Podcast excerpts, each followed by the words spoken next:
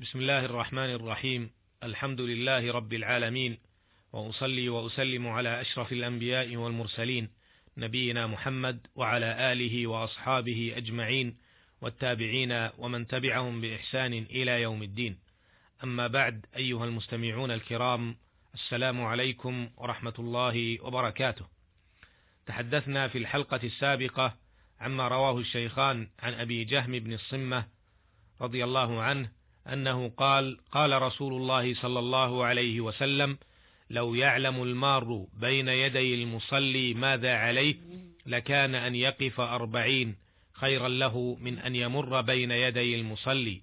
قال أبو النضر لا أدري. قال أربعين يوما أو شهرا أو سنة. وكذا ما رواه الشيخان عن أبي سعيد الخدري رضي الله عنه أنه قال سمعت رسول الله صلى الله عليه وسلم يقول إذا صلى أحدكم إلى شيء يستره من الناس فأراد أحد أن يجتاز بين يديه فليدفعه فإن أبى فليقاتله فإنما هو شيطان. وعرفنا ما في هذين الحديثين العظيمين من فوائد تتعلق بالمرور بين يدي المصلي وفي سترة المصلي. وفي هذه الحلقة نتحدث عما رواه البخاري وغيره عن عبد الله بن عباس رضي الله عنهما أنه قال: أقبلت راكبا على حمار أتان، وأنا يومئذ قد ناهزت الاحتلام، ورسول الله صلى الله عليه وسلم يصلي بالناس بمنى إلى غير جدار، فمررت بين بعض الصف فنزلت وأرسلت الأتان ترتع، ودخلت في الصف فلم ينكر ذلك علي أحد. وكذلك ما رواه البخاري وغيره عن عائشة رضي الله عنها أنها قالت كنت أنام بين يدي رسول الله صلى الله عليه وسلم ورجلاي في قبلته فإذا سجد غمزني فقبضت رجلي فقبضت رجلي وإذا قام بسطتهما والبيوت يومئذ ليس فيها مصابيح. هذان حديثان مهمان تكملان الحديثين السابقين فيما يتعلق بالمرور بين يدي المصلي وسترته وفيما يقطع الصلاة من المارين. أعرض فوائدهما في الوقفات الآتية. الوقفة الأولى. قوله في حديث ابن عباس رضي الله عنهما أقبلت راكبا على حمار أتان. الأتان أنثى الحمار وهو بفتح الهمزة وكسرها والفتح أشهر وبعدها تاء مثناه وهي نعت للحمار. وقوله قد ناهزت الاحتلام المراد قاربت البلوغ الشرعي. وقوله فأرسلت الأتان ترتع أي ترعى.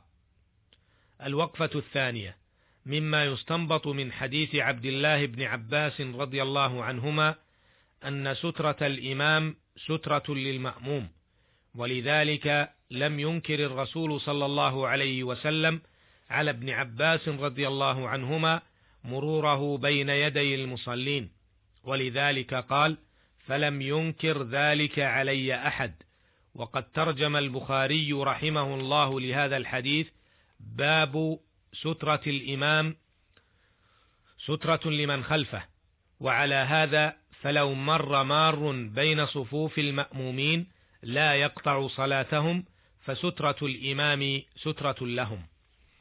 الوقفة الثالثة استنبط بعض أهل العلم أن المرأة لا تقطع الصلاة لفعل عائشة رضي الله عنها حيث كانت نائمة بين يدي رسول الله صلى الله عليه وسلم وكان يصلي وهذا الحكم أعني مرور المرأة بين يدي المصلي هل تقطع الصلاة؟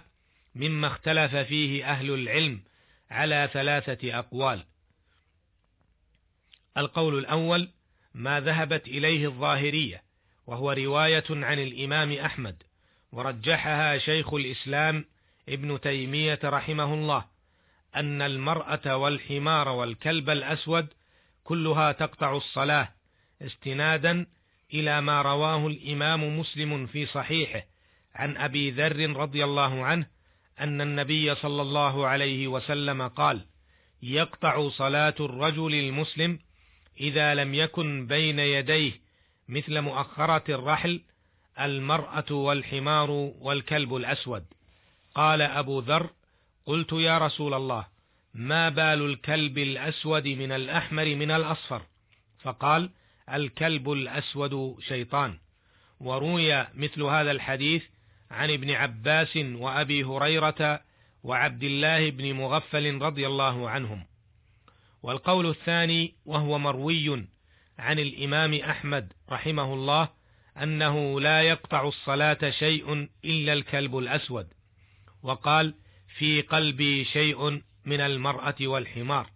أما المرأة فلحديث عائشة رضي الله عنها أنها كانت معترضة بين يدي رسول الله صلى الله عليه وسلم وهو يصلي. وأما الحمار فلحديث ابن عباس رضي الله عنهما. ويعضد هذا القول ما رواه مسلم من حديث عائشة رضي الله عنها أنه ذكر عندها ما يقطع الصلاة الكلب والحمار والمرأة. فقالت رضي الله عنها شبهتمونا بالحمر والكلاب. والله لقد رأيت النبي صلى الله عليه وسلم يصلي وإني على السرير بينه وبين القبلة مضطجعة. والقول الثالث وهو قول الجمهور وهو أن الصلاة لا يقطعها شيء استنادا إلى عدد من الأحاديث والآثار التي في ثبوتها نظر ومنها ما رواه الدار قطني والبيهقي عن أبي سعيد الخدري رضي الله عنه أن النبي صلى الله عليه وسلم قال لا يقطع الصلاة شيء وادرؤوا ما استطعتم فإنه شيطان. وتأولوا حديث أبي ذر رضي الله عنه أن المراد بالقطع نقص الصلاة بما يشغل القلب بهذه الأشياء. ولا شك أنه حين النظر في الأدلة لا يجد معارضا قويا لحديث أبي ذر رضي الله عنه لذلك يقول ابن القيم رحمه الله فإن لم يكن سترة يعني لم يضع المصلي سترة لصلاته فإنه صح أنه يقطع صلاته المرأة والحمار والكلب الأسود وثبت ذلك من رواية أبي ذر وأبي هريرة وابن عباس وعبد الله بن مغفل رضي الله عنهم.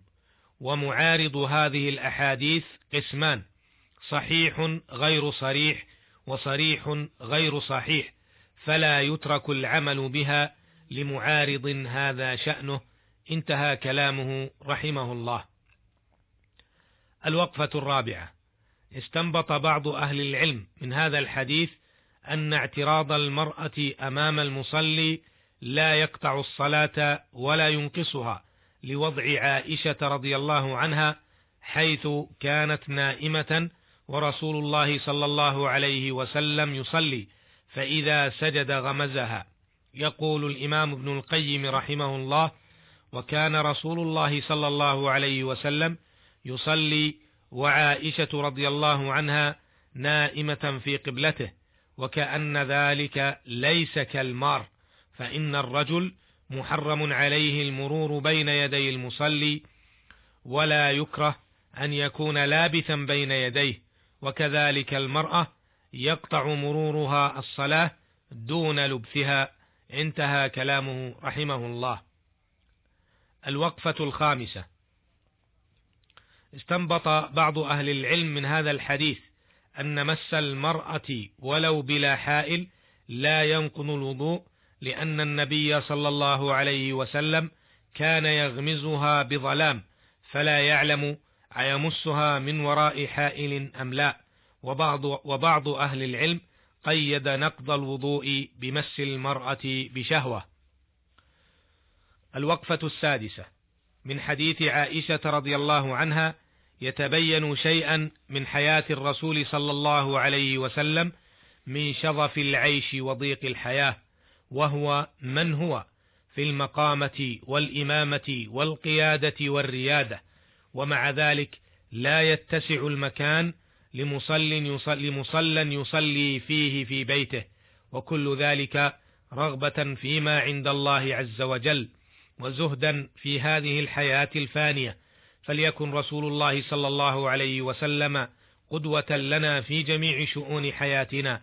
فينظر الإنسان إلى نعم الله تعالى فيحمد الله ويشكره ولا ينظر إلى من هو أعلى منه فيدخل عليه الشيطان الوساوس والهموم والأحزان والغموم فيضعف إيمانه ويقلل من ثقته بربه سبحانه وتعالى بل عليه أن ينظر إلى من هو أفضل منه وهو رسول الله صلى الله عليه وسلم الذي كان باستطاعته أن يملك الدنيا ولكنه آثر الباقية على الفانية وإذا نظر الإنسان إلى من هو أقل منه ارتاح ضميره واطمأنت نفسه وقوي إيمانه وزاد شكره لربه وحمده له وثناؤه عليه جعلنا الله تعالى من الشاكرين لنعمه الذاكرين له المثنين عليه الخير كله إنه سميع مجيب وهو المستعان وإلى اللقاء.